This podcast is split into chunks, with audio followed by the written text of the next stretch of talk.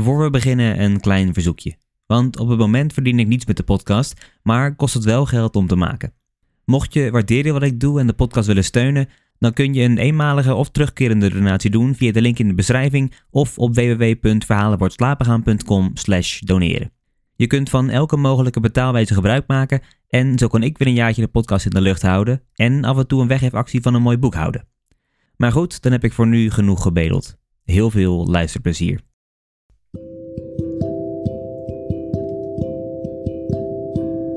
Hallo allemaal en welkom. Mijn naam is Mike en in deze aflevering lees ik voor uit De Hemel is altijd paars van Sholeh Rezazadeh. Dit is Verhalen voor het slapen gaan. Sholeh Rezazadeh werd in 1989 geboren en kwam in 2015 vanuit Iran naar Nederland. In 2018 won ze de Agora Lettera schrijfwedstrijd voor proza en in 2019 de El Hisra Literatuurprijs voor poëzie.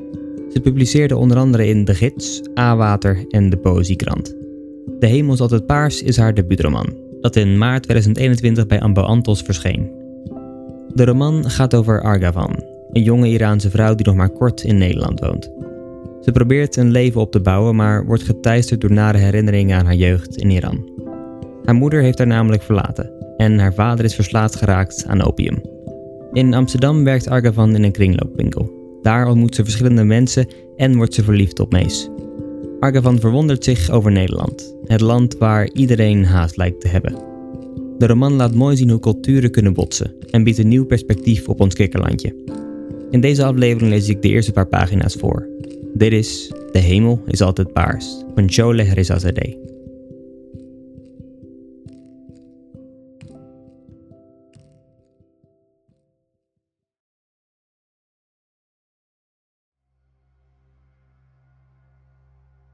De hemel is altijd paars. Het kostte enige tijd voordat het stampende geluid van de treinwiel op het spoor de plaats innam van dat van de klakson en het schakelen tussen versnellingen, van dat van drukke straten die altijd vol auto's zijn.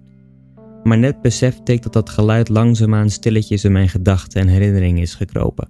Net als alle andere dingen die hier, voordat ik het me realiseerde, tussen mijn hersencellen zijn gekropen. Mag ik hier zitten? Ik kijk in de blauwe ogen van de vrouw die naar de zitplaats naast mij kijkt. De stugge volharding in de eindeloze vragen die de mensen hier stellen is niet langer irritant. Ik glimlach zoals de mensen hier en plak mezelf tegen het raam om voor haar plaats te maken. De weide en groene velden die langs glijden herinneren me eraan dat ik reis. Van de ene stad naar de andere. Van de ene mens naar de andere. Iets ovaals nestelt zich achter mijn borstbeen als een onzichtbare bal die met me meereist, waar ik ook ga. Naar een feest, een bed, in een trein, bibliotheek, winkel of waar dan ook.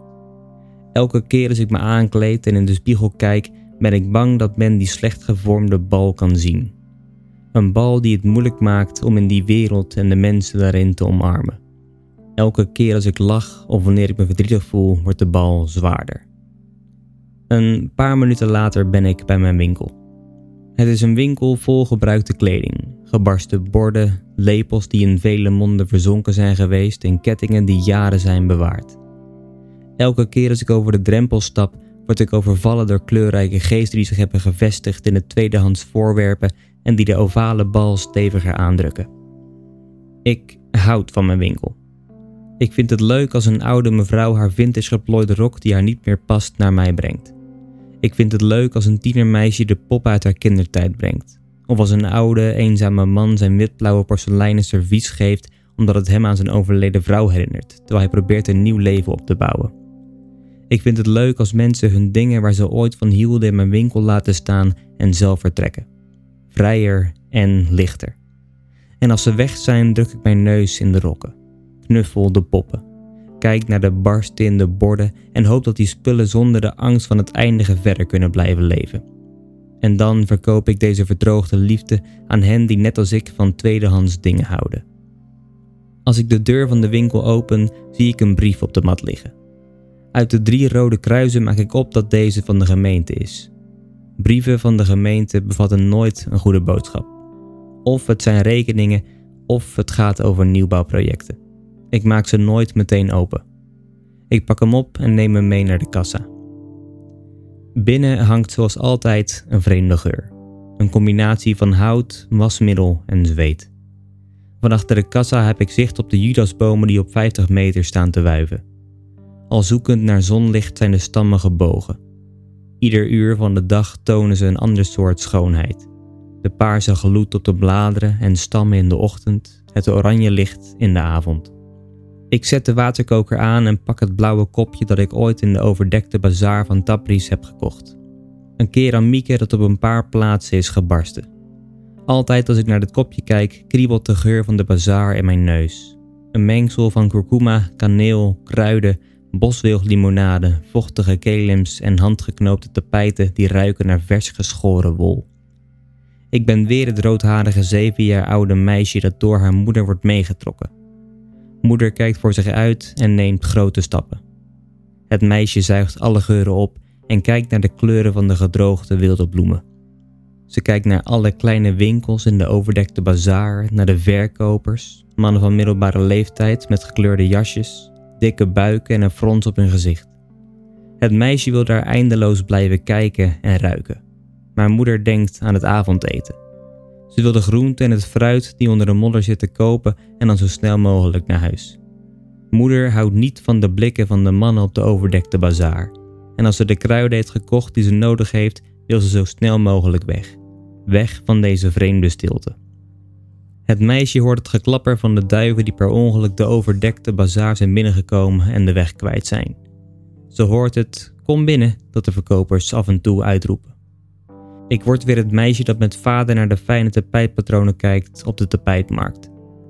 De tapijten die op elkaar liggen en door de verkoper worden omgeslagen als de pagina's van een groot kleurboek. Zonlicht schijnt door de gaten van het gebogen plafond. Zonder te luisteren naar vaders uitleg over het onderscheid tussen handgeknoopte en machinaal verwaardigde tapijten, staart ze naar de kralen van zijn amberkleurige bitketting en denkt aan het lekkere eten dat ze straks samen met hen zal eten in een café in een verlaten hoek van de bazaar. Ze denkt aan het krakende geluid van kraakbeen tussen haar tanden van het stuk vlees dat vader aan haar geeft. Ze denkt aan de rode ogen van vader als hij in rauwe uien bijt, aan het brandende gevoel in haar keel na het drinken van een koude, sprankelende ayran en aan zijn glimlach. Zo gaan mijn dagen voorbij. Ik drink mijn thee, repareer kledingstukken beantwoord e-mails en plaats foto's van de nieuw binnengekomen spullen op sociale media. Soms verzin ik een verhaal bij de spullen en hun vorige eigenaar. Was het een jonge vrouw die naar een warm land wilde verhuizen waar grijze wolken haar niet meer zouden kunnen achtervolgen? Was het een puber die geen zin meer had in zijn kinderachtige spullen? Waarom hebben ze hun spullen willen verkopen? Was het omdat ze geen ruimte in hun hart, hoofd of huis hadden? Wilden ze er iemand anders blij mee maken? Ik schrijf deze verhalen op zodat ik ze later aan een klant kan vertellen. Vooral aan die klant die niet uit pure noodzaak naar mijn winkel komt, maar uit plezier naar nieuwe vondsten speurt. Of aan de klant die nieuwsgierig is naar de verhalen achter zijn nieuwe spullen. Ik maak de envelop van de gemeente open. Mijn Nederlands is nog niet zo goed dat ik direct begrijp wat er staat. Na twee keer lezen concludeer ik dat het zwaaien van de Judasbomen niet voor niks was. Ze zullen worden omgezaagd omdat ze oud en ziek zijn geworden. De gemeente is bang dat hun takken zo meteen op de hoofden van de voetgangers kunnen vallen. Godver, mompel ik. Ik heb nooit begrepen waarom de mens belangrijker is dan wie of wat dan ook. Waarom draait alles om het geluk van mensen? Wat hebben we moeder aarde aangedaan dat haar bomen gekapt moeten worden om te voorkomen dat ze op onze hoofden vallen? Ik schud mijn hoofd, zucht diep en stop de brief in de zak van een van de broeken die ik aan het repareren ben. Alles wat met bomen te maken heeft, kan ik niet weggooien. Ik herinner me die keer dat ik zelf voor het eerst iets in de zak van een tweedehands broek vond. Ik werd er blij van, hoewel ik niks van het handschrift begreep. Het zien van andermans handschrift op een oud stukje papier was alsof ik even in het leven van iemand anders hoorde. Ik hoorde het luide zwaaien van de Judasbomen. Het lijkt alsof ze een gedicht fluisteren in een taal die ik niet ken. Het klinkt niet verdrietig. Blijkbaar weten ze nog niet wat hen te wachten staat. Maar ook wij lopen, eten, slapen, dansen, drinken en lezen poëzie totdat de rampspoed ons treft. Totdat onze geliefde ons verlaat of sterft we werkloos worden, tot ons huis afbrandt of onze schulden opeens te hoog zijn. Tot ellende ons plots overvalt. Eten, slapen en lopen we gewoon op straat, alsof er niks aan de hand is. Als we een brief krijgen waardoor ons leven overhoop wordt gegooid, is alles anders. Maar zolang er geen brief is, of tenminste geen leesbare brief, is er niks veranderd. De bomen zingen en zwaaien nu nog zorgeloos. Op hun takken nestelen zich gewoon vogels. Er liggen al een paar eieren of er leven zelfs al een paar kuikens in de nesten. Het geluid van de deur brengt me terug naar mijn winkel. Anna is een bekend gezicht. Ze heeft haar grote glimlach op en zegt: Hoi. Anna is een kleine en tengere vrouw die altijd op zoek is naar danskleding. Haar lichtbruine haar zit warrig. Ik vind het leuk hoe zorgeloos haar tred is. Meestal heeft ze iets groens aan. Ze loopt direct naar een rij vol lange, kleurrijke jurken en komt met armen vol bij de kassa aan. Ze begeleidt een dansgroep met andere vrouwen en mannen van haar leeftijd. Ze doen aan Europees volksdansen. Als ze over dans praat, schitteren haar ogen. Ik ben altijd een beetje bang om met haar te praten. Ze heeft me verteld dat ze slecht hoort en om iemands woorden te kunnen begrijpen moet de ander langzaam spreken zodat ze naar de bewegingen van diens lippen kan kijken. Als Anna naar mijn lippen staart, word ik nerveus. Toch houd ik ook van de kalme gesprekken met haar.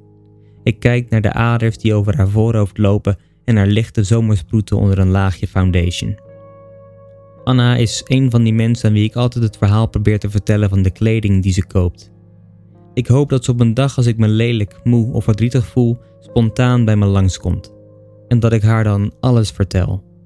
Vanaf die dag kunnen we dan iets anders dan hoe is het? Of fijne dag nog tegen elkaar zeggen. We zullen beste vriendinnen worden.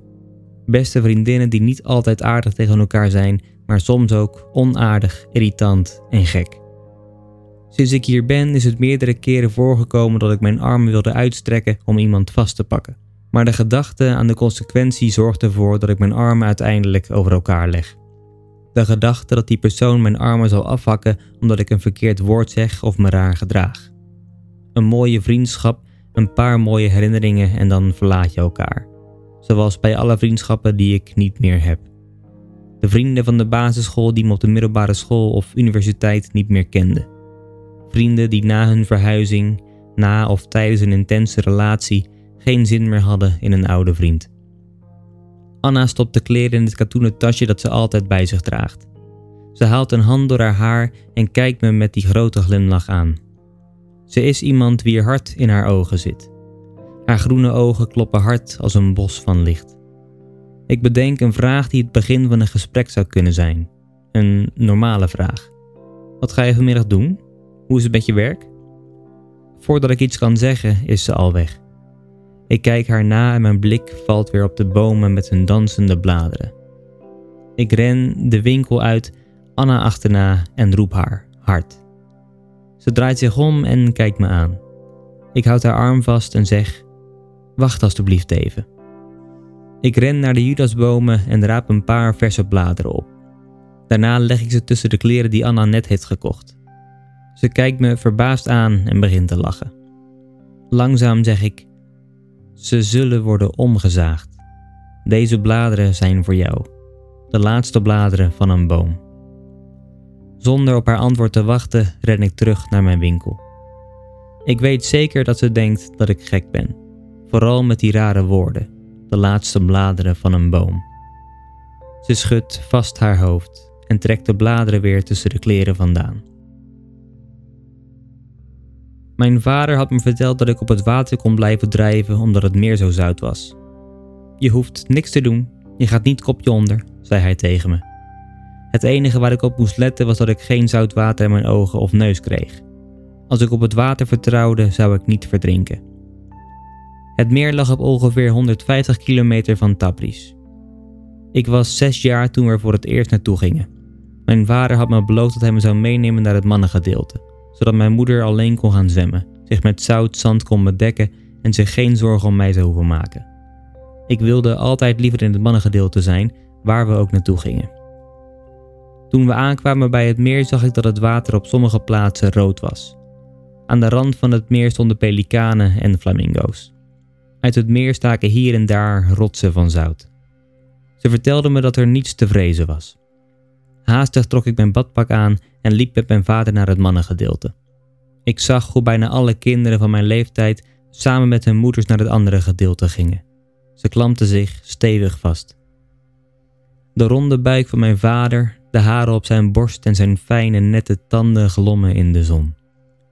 Ik bleef dicht bij hem. Mijn hoofd reikte bijna tot zijn middel. Op het strand hoorde ik de mannen luid zingen en lachen. Mijn vader greep mijn hand en we liepen naar een deel van het strand waar het helemaal stil was. Hij wilde liever niemand om zich heen hebben als we ergens heen gingen. Op die manier stonden we beter in contact met de natuur, zei hij.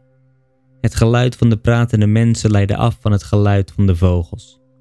We zouden niet kunnen genieten van de grote vreugde die de natuur ons bood. De frisse aanraking van de wind, de zachte geur van het meer en de warme handen van de zon op onze ruggen. Toen we ver genoeg waren en we de geluiden van lachende mannen niet meer hoorden, vertelde mijn vader dat er in het zoute water geen vissen leefden, maar dat het meer zeker heel blij zou zijn met een grote, mooie vis zoals ik. Hij pakte me vast en leidde me naar het water. Het water was warm en ik voelde de ruwheid van het zout op mijn huid. Mijn vader was rood geworden en er zaten zoutkristallen op zijn bezweten gezicht. Hij sloeg zijn arm om mijn middel, liep langzaam door het water dat nu zijn borst bereikte en zei dat ik moest proberen niet te bewegen. Ik schreeuwde dat hij me niet los mocht laten. De rauwe, warme vingers van het water raakten mijn rug. Ik sloot mijn ogen. Terwijl ik naar het water luisterde, voelde ik pijn aan mijn ogen. Ik vroeg me af of het meer me echt zag als haar eigen vis en wilde dat ik in haar water dwaalde. Toen ik mijn ogen even opendeed en mijn vader een paar meter verder zag zwemmen, realiseerde ik me dat zijn handen niet meer om mijn rug zaten. Ik was zo licht dat ik overal heen kon gaan en nooit moe zou worden van het bewegen. Ik was de vis in een meer dat me nooit vast zou kunnen pakken. Ik staar naar een tak die in de gracht drijft. Hij is opgezwollen omdat hij al lang in het water ligt.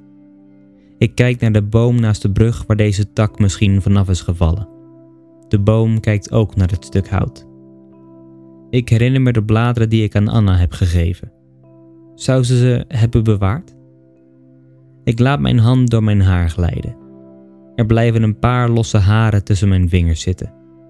Ik gooi ze naar het water zonder er naar te kijken. Voor de boom is het afschudden van hun bladeren misschien net zo triviaal, maar omgezaagd worden moet toch een ander gevoel geven. Ik loop naar mijn winkel toe.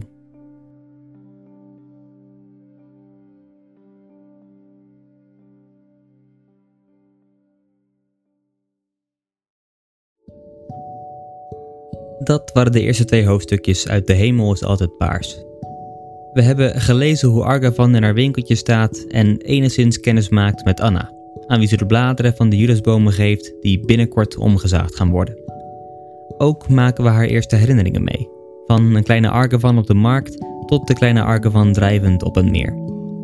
In de rest van de roman zal ze nog meer mensen ontmoeten en dieper in haar verleden duiken waardoor de twee verschillende levens en de twee verschillende culturen steeds worden afgewisseld en zowel met elkaar versmelten als elkaar een spiegel voorhouden.